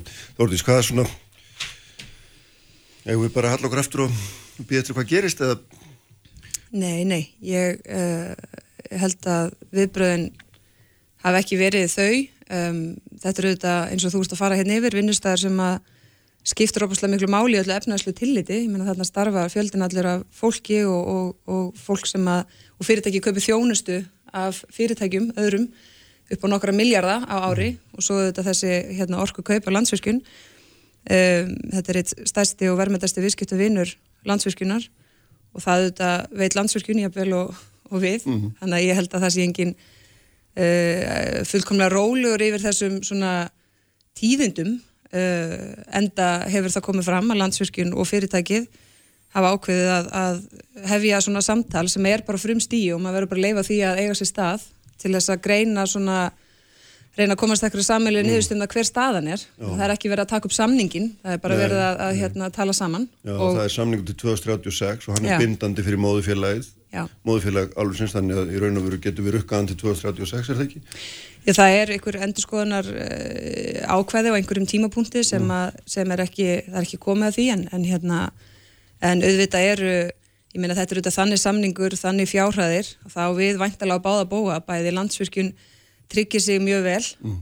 og fyrirtæki sömu leiðis, ég meina fyrirtæki fór hérna í 60 miljardar fjárfestingu árið 2010 Uh, en breytingin sem var á samningnum og þróun bara á þessu markaði sem að náttúrulega Kína er opuslega stór þáttakandi í þeim breytingum að það hefur gert það verkum að, að álverð er ekki menn ef álverð væri fínt þá væri mm. fyrirtækið vantarlega ekki nei, í nei. þessum spórum Það er að mista ekki rægilega hátt til að bera þann orkukostnað sem að hérna, fyrirtæki ber og, og hérna, nú er mér sagt að hérna, þessi búið að snúa öllu hérna við velta við hverjum steinu og það eina sem er eftir til þess að þarna lækka kostnæður, þannig að verður að lækka en sí að borga minna fyrir orkuna og það er auðvitað spurningin hvort að við myndum sætt okkur við það, það er auðvitað stóra stóra máli. Já, sko, það sem að, það sem að eitt þeirra þáttar sem að fyrirtæki hér getur haft áhrif á er auðvitað uh, raforku verð, ég menna Río Tinto hefur ekki sömu áhrif á, á hérna þróun á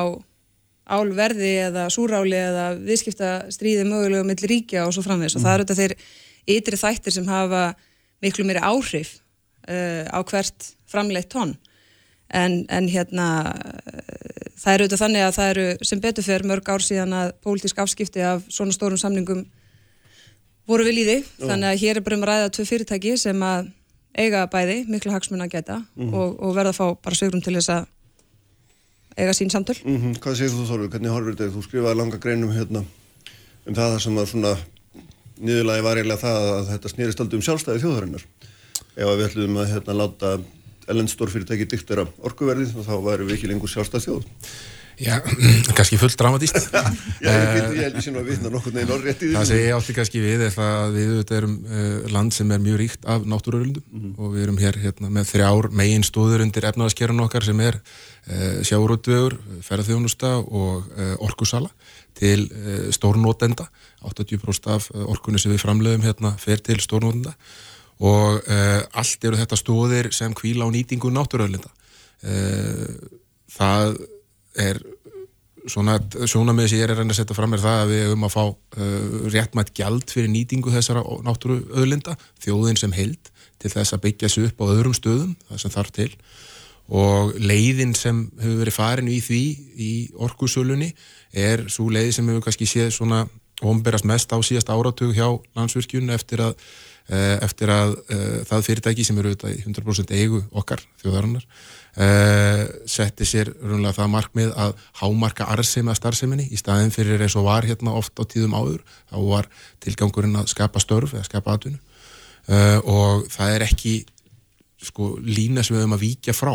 Það er þjóðhagslega mikilvægt og hagkvæmt fyrir okkur að fá sem mest fyrir þessa orku sem við seljum í þannan eðna mm -hmm. og samningurinn sem uh, landsfiskin gerði við uh, Rio Tinto eða fyrir rennara Rio Tinto eignarhaldi á Strömsvík þá algan uh, árið 2010 markaði vatnaskill í þessu þar sem sveiblur á heimsmarkasverðu áli voru teknar út úr kaupsamningunum og núna ber kaupandin áhættu á þeim sveplum en ekki við seljandin, mm -hmm. íslenska þjóðin og uh, þess vegna uh, held ég að við ættum að standa mjög fast í lappirnar gegvart í að fara að endurskoða rávorkursamninga uh, þegar ja, illa árar á mörguðum eins og Þúrtís myndi sérna á aðan þetta er stærsta ástæðan fyrir því að það eru krefjandi aðstæður í álheiminum. Mm -hmm. er það að kynverjar hafa komið þar inn með miklu ofórsi og eru farin að framlega 50-60% af öllu áli í heiminum. Það hefur leitt til lækandi heimsmarkasvers á áli og þar er stóra breytan í sko, breyting á rekstrarmótelinu hjá þessum álurum við erum alltaf að fara að keppa við kynverja í launakostnaði eða e, orkusölu mm. e, ég held að hérna, við viljum það ekkert sem samfélag þannig að e, þá erum kannski þetta Þá ættu að segja með öðrum orðum að þetta hérna við myndum bara standa fast í lefnar á þessu verði sem við erum með og ekkert að hérna, koma til móts við á frekar. Nei, mér finnst ekki tilumdi þess eins og þið myndust á hérna bæðið áðan að þá eru ábyrðir í þessum samningum mm. sem tryggja að minnstakosti fínan aðlöfunatíma þannig að höggið, eh, tekju höggið fyrir landsvirkjun ef að uh, það myndi fara þannig að, að álveri í ströðsing myndi loka þá er það eitthvað sem landsvirkjun myndi allan hafa gott sveirum til þess að breyðast við og finna þá mögulega nýja kaupendur af þeirri rávorku en ég er heldur ekkit að draga úr alvegleika þess að þetta eru þetta reysastóru vinnustæður í hefnafyrir, ég vann sjálfur í sjálfuri uh, um, bara heilt ár og nokkuð sumur og þekki mjög vel til hversu mikilvægur vinnustæður þetta er á þessu svæði uh, en það breyti því ekki að við sem þjóð eigum ekki að fara að reka þá stefnu að við halda ósjálfbari starfsemi uh, bara til þess að, að halda þessu störfum inn í okkar hækiri Þorstein Já, sko Þetta er eiginlega umræðan til skemmri tíma og, og, og lengri tíma mm. og uh, það er alveg augljóst að, að fyrirtæki til skemmri tíma litið á, á núverandi álverðum er, er að glíma bara við mjög þungan og erfiðan rekstur og uh, sko ég held nú bara líkilætriði uh, landsverkin hefur það skýra einfalda hlutverk að hámarka afrakstur okkar af starfsemi fyrirtækisins og ég tristi fyrirtækinu fullkomlega til þess uh, og það er ekkit hér sem að kallar á að vera bara mjög uh, ámælisvert ef að pólitíkinn færi með ykkur um að hætta að grýpa inn í það sem eru bara eðlulegar viðræður uh, millir viðskiptaðela uh, sko það kemur ekkert óvart sko landsfyrkjun breytti stefnu sinni fyrir áratögu eða svo sem er alveg skýr, það er ekki stöðningur í landinu til frekari virkjana fyrir stóriðu sem þessa. Og þá snúðuði raun og veru af kannski fyrri verðstefnu sem snýrist að uppbyggingu og sköpunstarfa yfir einfalla bara að hámarka það sem við fáum fyrir áorkun okkar frá einum tíma til annars uh, og það er engin, það er ekkit launungamál þó svo að sko, slæmar markaðsast að núna séu að þrengja mjög að fyrirtækinu að þessi fyrirtæki sem starfandir í landinu þetta geta greitt herrar áorkuverð uh, held, svona, í, fyrir áframaldandi starfsefni heldur en þau gátu gert þegar þau voru jafnframt að byggja upp fyrirtækin. Þetta eru sennilega álitlegustu kaupundunir okkar sko fram á við af því þetta er jú það sem að kalla þessu skemmtilega íslenska orði orgu frekur yðnaður, það er ekkert hlaupið að því að finna önnur fyrirtæki sem að nýta jafn mikla ráorku og þess vegna er það bara hlutverk uh, landsvíkjunur að spila þennan uh, samningarleik sem alltaf er í gangi. Mm -hmm. Hvaða verð á vandanum eru fyrirtækin hérna, tilbúin til þess að greiða. Það hagsmunni huga þá væri lægi að leggja orkuverðin.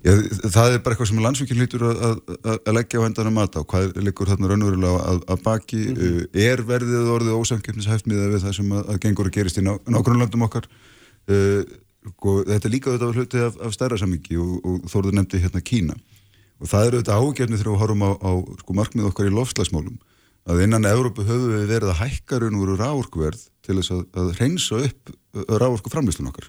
Við höfum verið að fara yfir í, í sjálfbæra orku í miklu meiri mæli. Þetta var ekki bara við hjá okkur bent ágætlega á hérna bara á, á viðskiptaþingi í vikunni að, að sennilega eru bara 10-20 ár í það að samkefnisforskot okkar sem þjóðar í hreitni orku sé búið. Það verður bara einfallega orðin hrein orka í, í Európa allavega meira að minna sko 80-100% af því að það er verið að færa þessu orkuframlislu yfir í vind og, og sól. En það skilur Kína svolítið eftir kannski sem um að þetta er sletta svona frírætir í þessu sammingi mm. að það er verið að, að framleiða ódýra ráorku með kólum að mjög stórum hluta uh, og umræðan innan Európa eru auðvitað byrjuð við ætli við að láta í raun og veru framleiðsluna leka út úr álfunni sem að, þar sem við erum að reyna að reynsa upp framleiðsluferilinn uh, fyrir skítu að veru hérna frá Kína mm. og ég held að, að lengri tíma lausnin séur nú ekki sko, spurningunum ráorku verði hér á landi eða í Európu heldur, hvernig ætlum við raun og veru að skatleggja út frá bara kólefniskatti mm -hmm.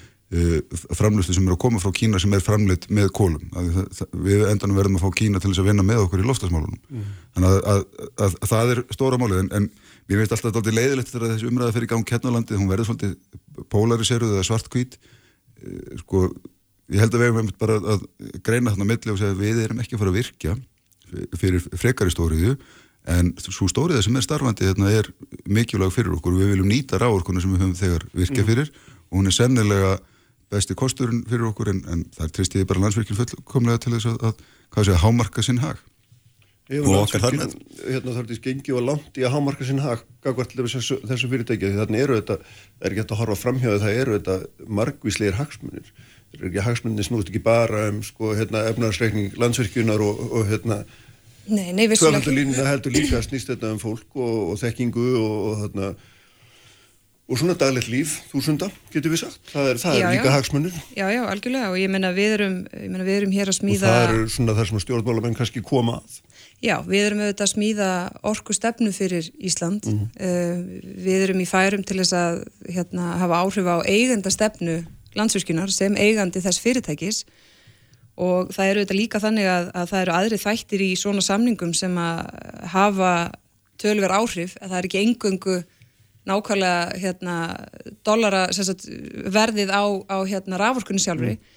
heldur til að mynda tryggingar uh, þetta take or pay sagt, eins og núna þau eru að láta eftir 15% það er heimild í samningum til að gera það Já. við erum þetta og ég fjallaði um það á síðasta ásfundu landsvirkinar við erum í rauninni með lögmætt brotkast, ef svo má segja, á rávorku hverju ári upp á svona 6 miljardar sem að bara flæður út af því við erum með eina... Já, vegna þess að við erum með einangra kerfi og samningandi gera ráð fyrir vestavassári sem er mm. samt kannski ekki nema 8. og 9. hvert ár.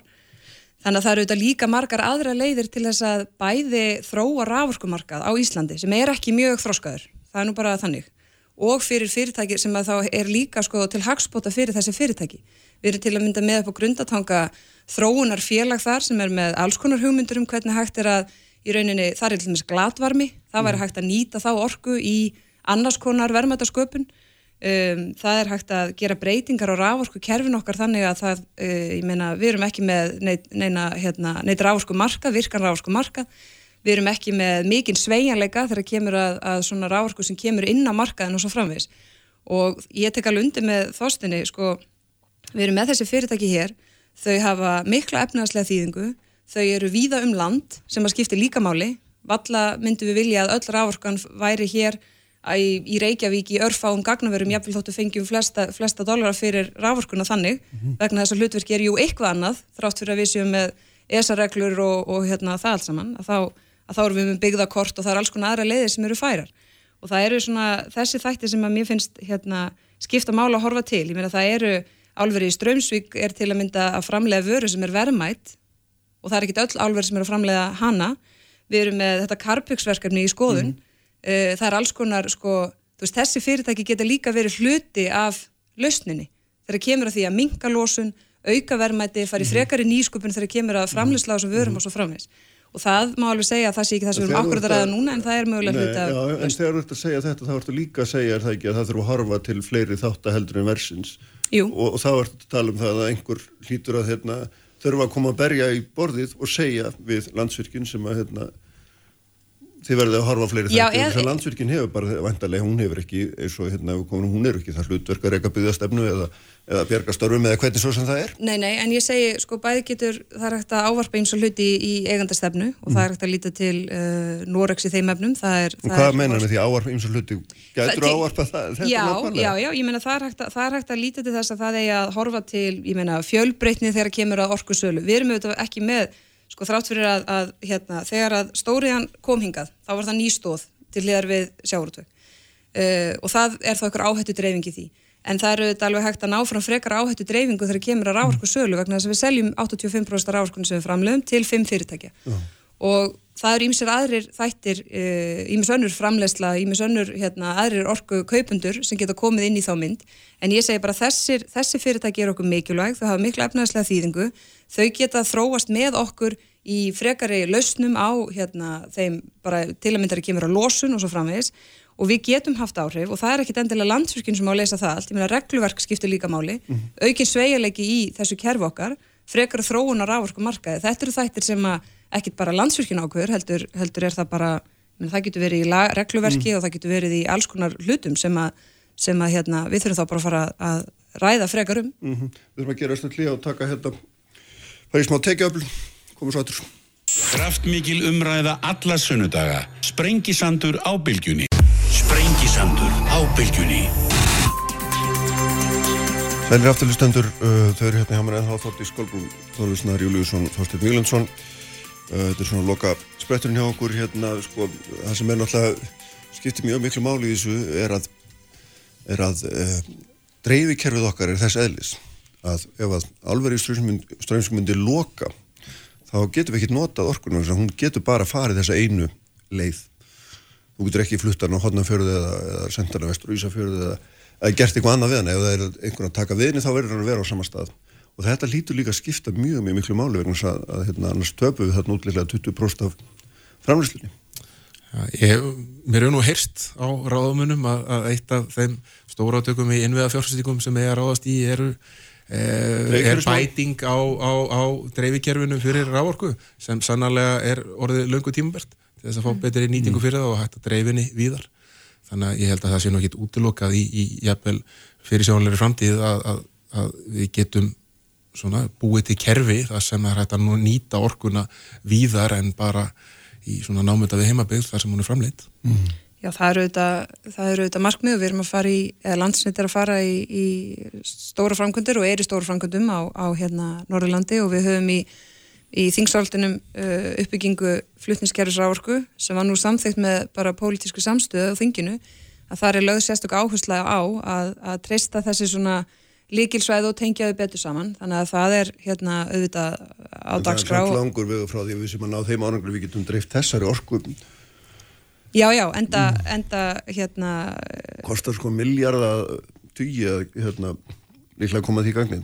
Já, enda er, uh, er við held ég all sammálum mikilvægi hérna, þessa fyrirtækis og þau, eins og ég hef nefnt, efnaðsla áhrif sem fyrirtæki hefur hér á landi og ég nefni þá bara líka að, að uh, landsvirkjun tryggir sig samkvæmt því. Mm -hmm. uh, þannig að ég og án þess að fara að tala um það hvað, hvað kann að gerast að þá bara gef ég þessum fyrirtækjum það svegrum sem þau þurfa til þess að mm. eiga þetta samtal og, og svo bara svo bara sjáum við hvað setjur svo verðum við bara að sjá hver næstu skref eru. Það er ekkit að fara að gerast alveg allra næstunni það er alveg auðlust Nei, nei, einmitt, hvað segir Þorstin hvað, hvað finnst þér að vera svona raugriðt að raugriðt framhald, þú sagðir á hann að hérna, það veri gott að stjórnvöldar ekki að skipta sér að þessu en þá getum við bara lendið því að fyrirtæki segi bara nei, við erum bara farin við erum bara bless.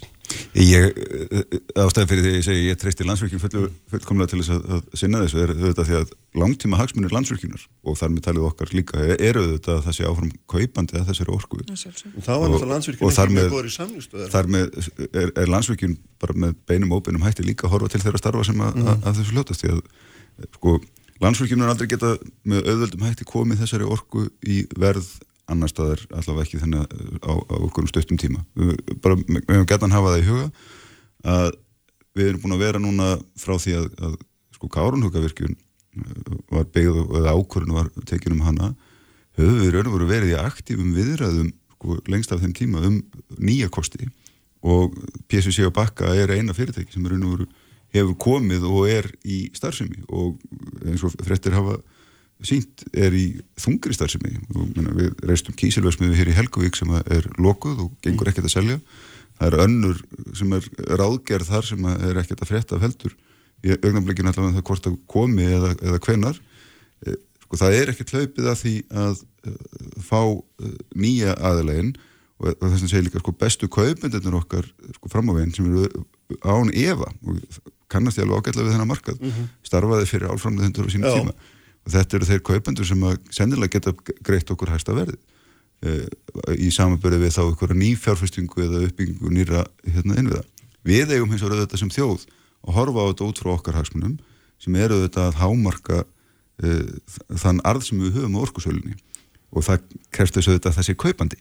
E, þess vegna segi ég Tristalur Landsvíkjum í, í, í, í þær samningavirðar. Mm -hmm. Við ættum eins og kannski líka velta fyrir okkur Þórtís kom inn á það áðan þetta er fábreyttur markaður, þetta er fáur kaupendur samningstæðu okkar veikistu þetta vegna þessa, við þurfum að laða nýtt fyrirtæki hingað til þess að kaupa þessu orku. Og þess vegna hefði ég nú haldið að þessu umræða, þessi áætta sem við höfum að sjá með uh, fyrirtæki eins og uh, þá alveg í strömsíka ef, ef það raunverulega tækis upp að færi uh, að það ætti að taka upp umræðan um sæstreng. Sæstrengur myndi klálega opna nýja vít í ráðskusölu fyrir mm. Og þá er ekki að tala um að virka fyrir sæstring heldur einfallega bara út frá það myndi bæta nýting og núverandi kerfi. Það myndi hérna klálega stórauka möguleik okkar uh, til útflutnings og til að breyðast við ef að kaupandi dettur út og styrki samningstöðu okkar mm. það núverandi kaupandum líka. Mm og það eru auðvitað ástæðan fyrir því kannski að, að þeir kaupundur hafa ekkert verið sérstaklega hrefnir af þeirri hugmynd. Ég ætla bara að koma inn á að við verum að gera grein fyrir því að hérna eru sko stæstu ráfuru framleiðendur í heimi sem eru að reka þessi álver sem eru starfandi hérna þannig um Rio Tinto og Glencore og, og hérna og Alcoa. Mm. og uh, þessir aðlar veit alveg nákvæmlega hvað þeir eru að gera þegar þeir setja sér samningsbórur að semja til ára tuga uh, þeir vissu það alveg 2010 uh, hvaða svona, þeir eru búin að greina allar breytur sem hægt er að greina með þeim hætti. Það er engin með bissu við höfuð á þeim þegar þeir eru að skrifa undir áverkusamningana Þannig að þeir uh, horfa ískalt á þetta, fá miklu betur borgað á haus en við semjendunir, mm. uh, þeir sem ber ábyrð á gerð þessara samninga og uh, þannig að það, það, menn verður alltaf að hafa þegar í huga að auðvitað getur þetta svona svona aðstæðri sem eru uppi núna þáttur ég ætla ekki að gera lítið úr þeim krefjandi aðstæðum sem eru hjá Strömsvík vegna þess að það eru líka frekar lítið álveri í öllu svona stóra samanginu eh, að, að þetta getur líka verið hluti af bara einfallega tilraunum hjá þessum aðlum til þess að auka arsemina sína. Eh, og það þarf ekki að vera að hótunum lókun leiði til lókunar mm -hmm. það er ekki þannig, þetta getur verið bara strategíst svona pérbræð Uh, og þetta er ekki í fyrsta sinn sem þetta er heyrst að, að það er að hérna, mögulega að loka strömsvík, þetta heyrðist hérna, uh, snemma áöldinni og þetta heyrðist hérna, í aðdraðanda íbúakostninga uh, sem fóru fram hérna fyrir bankarhun og þetta heyrðist 2015 þegar voru kjaradeilur og átt að breyta hluta starfsmunum í, í verktaka og svo framvegs mm -hmm. þannig að bara það er alveg að nöðsölda hafa í huga og vikta þetta inn í þessa umræði vanandi kísilmálum versmiðunar, ég held að það sé alveg rétt að þeir eru nú kannski ekki reyns á happa fingur sem uh, fólk var að vonast til uh, krefendir ekstur fyrir norðan og þetta helguvíkur ævintýri er nú einhver mesta sorgarsaga sem maður eiginlega bara mann eftir og þannig að verist alveg viðtækum blekkingum hjá fólki sem vissi ekkert um kísimálversmiður hafi verið beitt og þannig að við erum með versmiðu sem er fullbyggð en óstarfæf og hefur ekki verið í gagninu frá því höstið 2017 þegar hún var vart í gagninu mm -hmm.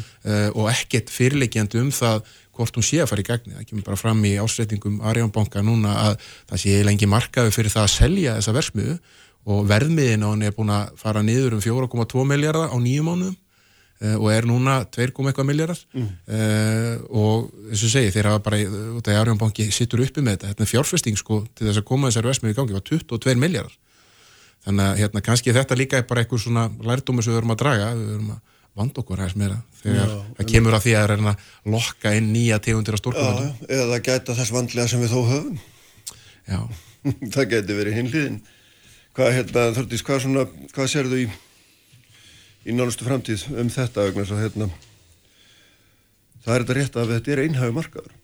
Við erum ekki í góðru stöðu þegar að, hérna, við erum með okkar fáegg í nálast einni mm -hmm. korfu mm -hmm. og, hérna, og þess vegna var nú þessi svona sæstrengsumræða og einhverju leitinu var nú ávíkjan landsfyrkjuna sjálfur um að búa til fleiri viðskiptavinni meðal annars til þess að þrýstu verðinu hjá þeim sem Mhm. fyrir eru.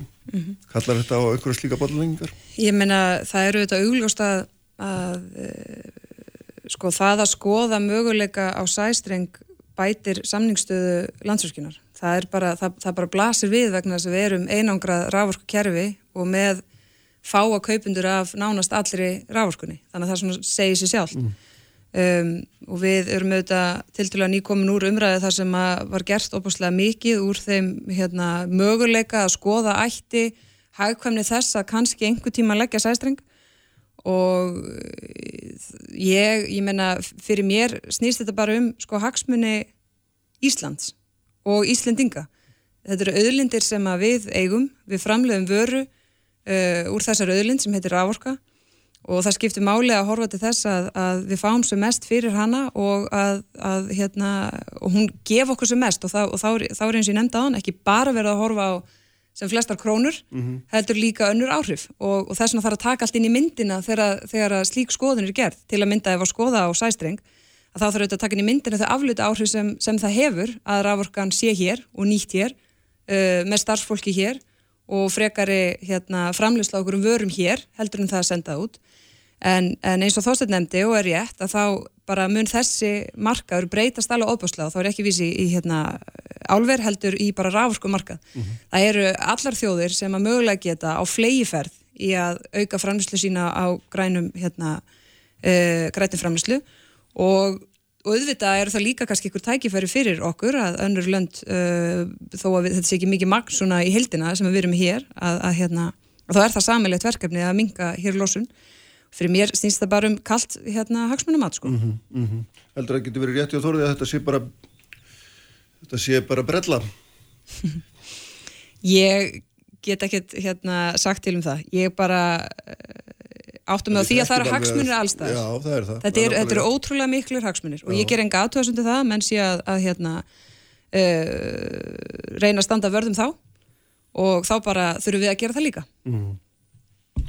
Hvað er þú að segja? Nei, sko, auðvitað setja mann, mann ekkert fram svona staðhæfingar nema að það geti mögulega leiði þar alveg að baki og við höfum að hafa það í huga að álframleysla innum vestarina heimið er búin að vera í töluverðum vandraðum núna í langan tíma og ekki álur byggt í Európu í ára og tug sko. Já. Já. og fjölmörgum bara verið mm. lokað við vitum alveg að strömsvík er gamalt fyrirtæki lítið í alþjóðlegu samhengi þannig að auðvitað getur verið alveg raunverulega áhætt að þarna baku og ég ekki eina mínúti ég ef að, að hvað þess að hótun eða staðhæfing sem þessum að, að lókun kynni að, að koma til greina uh, það ber að taka það alveg alvarlega mm. uh, en ég bara ítrekka enn og aftur ég hef ekkit áhyggjur af því að sko landsfölkin valdi ekki því verkefnið að setjast bara yfir þá og, og, og ræða við fyrirtækið hérna hvað líka okkar sammeðilu hagsmunur í þessu, alveg rétt sem Þórtið segir þetta eru mikilvæg störf, þetta er mikilvæg reynaður fram á veginn, ekki nokkuð á því. En við þurfum líka bara að horfa til þess sem þjóð hvernig styrkjum við okkar samningsstöðu. Sæstrengur er alveg klálega uh, að skoða þann kosti hlítar klálega eitt kostur. Það má ekki gleyma því eins og normenn sem er reyka þó nokkra sæstrengi orði í dag flytja alveg eins mikið orku inn eins og þeir eru að flytja út af því að umræðan snýr ofta því að, að, hérna, að þetta sé eitthvað meina verið að svoga orku út úr landinu, það er bara ránt mm -hmm. uh, þetta er bara eigur sveigilega kerfisins. Bæði í, í dægursöflum þetta eigur orkuöryggi eigur bara útflutningsmöguleika okkar á orku en um leiði líka einflutning við getum nýtt mm. kerfið okkar betur. En, en það er líka kannski já.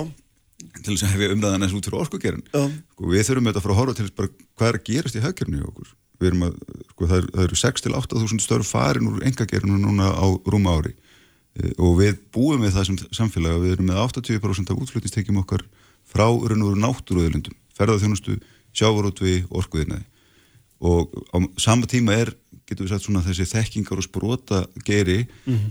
búin að vera í töluverðri stöðnun núna í, í þó nokkur ár. Við erum ekki að sjá útflutningsvöxt af, af þessum gerum, við erum ekki að sjá fjölkun starfa í þessum gerum og þarna höfum við í 10-15 ár verið að tala um að framtíðin okkar leiki og sama tíma er þessi geri að segja okkur rekstarumhverfið okkar er allt of óstöðut. Gjaldmiðlinn hendar ekki, það er ómikla sveiflur hérna og við þurfum að horfa til þess til lengri tíma hvernig byggjum upp þennan þá, Já, þá er- þegar við horfum til 10-30 ára. Ég ætla að byrja þessara þrjár myndir eftir. Ég, ætla, nú að, þó mér langi mjög gertnan að koma bara veit hérna í annað viðtal með Þorstun og ræðum um já. nýsköpunarmál og, hérna Já, og svo tækifærin og allt saman í því. Endilega, við En þá vildi, ég, tækifæri. sa- þá vildi ég samt nefna hérna varandi, það, við erum auðvitað hérna, nú þegar búin að við erum fann að staði það að fara í óháða útækt og samkeppnishæfni orkufröksiðnar á Íslandi. Það hefur ekki verið gert.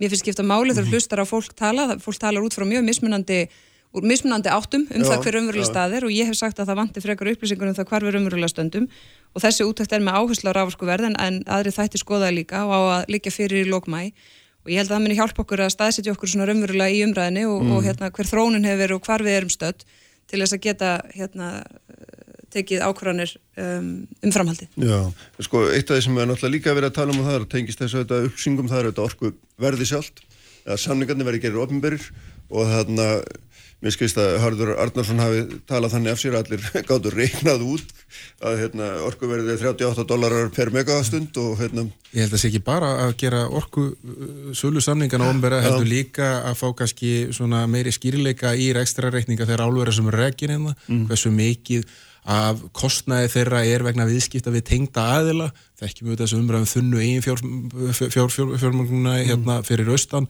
Eh, það eru þetta mikil sko kaup eh, af eh, alls konar rafskautum og súráli og slíku sem eiga sér stað innan samstæðu. Og það þarf kannski líka bara einhvern veginn að fá skýrleika í það til þess að sjá raunverulega svart á hvítu hver rekstrar hæfni þessar álverða sem eru stárrættirna eru.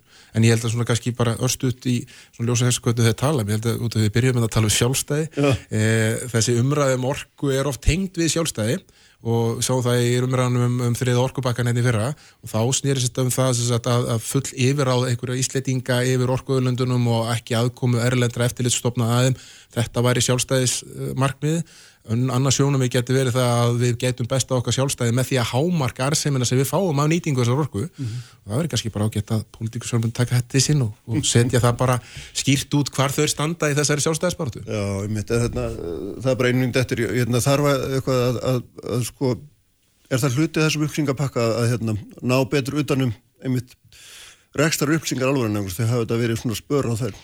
Ég er bara almennt þeirrar skoðunar að því meira sem liggur fyrir og því meira gagsæði sem er um mál því auðveldar er að taka umræðan út frá svona staðrundum og auðveldar að setja hluti í samhengi og hvar sem við getum gert betur í því að þá stiði það sama hvar, sama hvar það er að finna sko. Tvö orð um þetta. Nei, ég uh, tek bara undir það, ég meina, bara besta sem mest gagsæði um þetta uh, sé fyrir hendi. Ég held nú að sko rávorkverðið er ekkert svona uh, mikið svartur kassi eins og menn vilja vera að láta ef að fólk leggst yfir bækur alvaruna þá sé- sést nú svona nokkur með hvað þau eru að, greiða. Og sömulegis kemur ljós landsfylgjum gefur upp meðalverðið sitt og hefur gert um, um árabil. En þetta er bara verkefnið, menna, hvernig hámorku við þennan afröxtur og hérna sem þjóð? Jómandi, verðum að láta þessu loki í dag hækkur öllum þreifum fyrir að koma Ívar Jón Haldarsson stýrir útsendingu og allt er mér á bylgjan og vísi.is og sjálfur með ykkur aftur eftir vikum. Verðið sæl.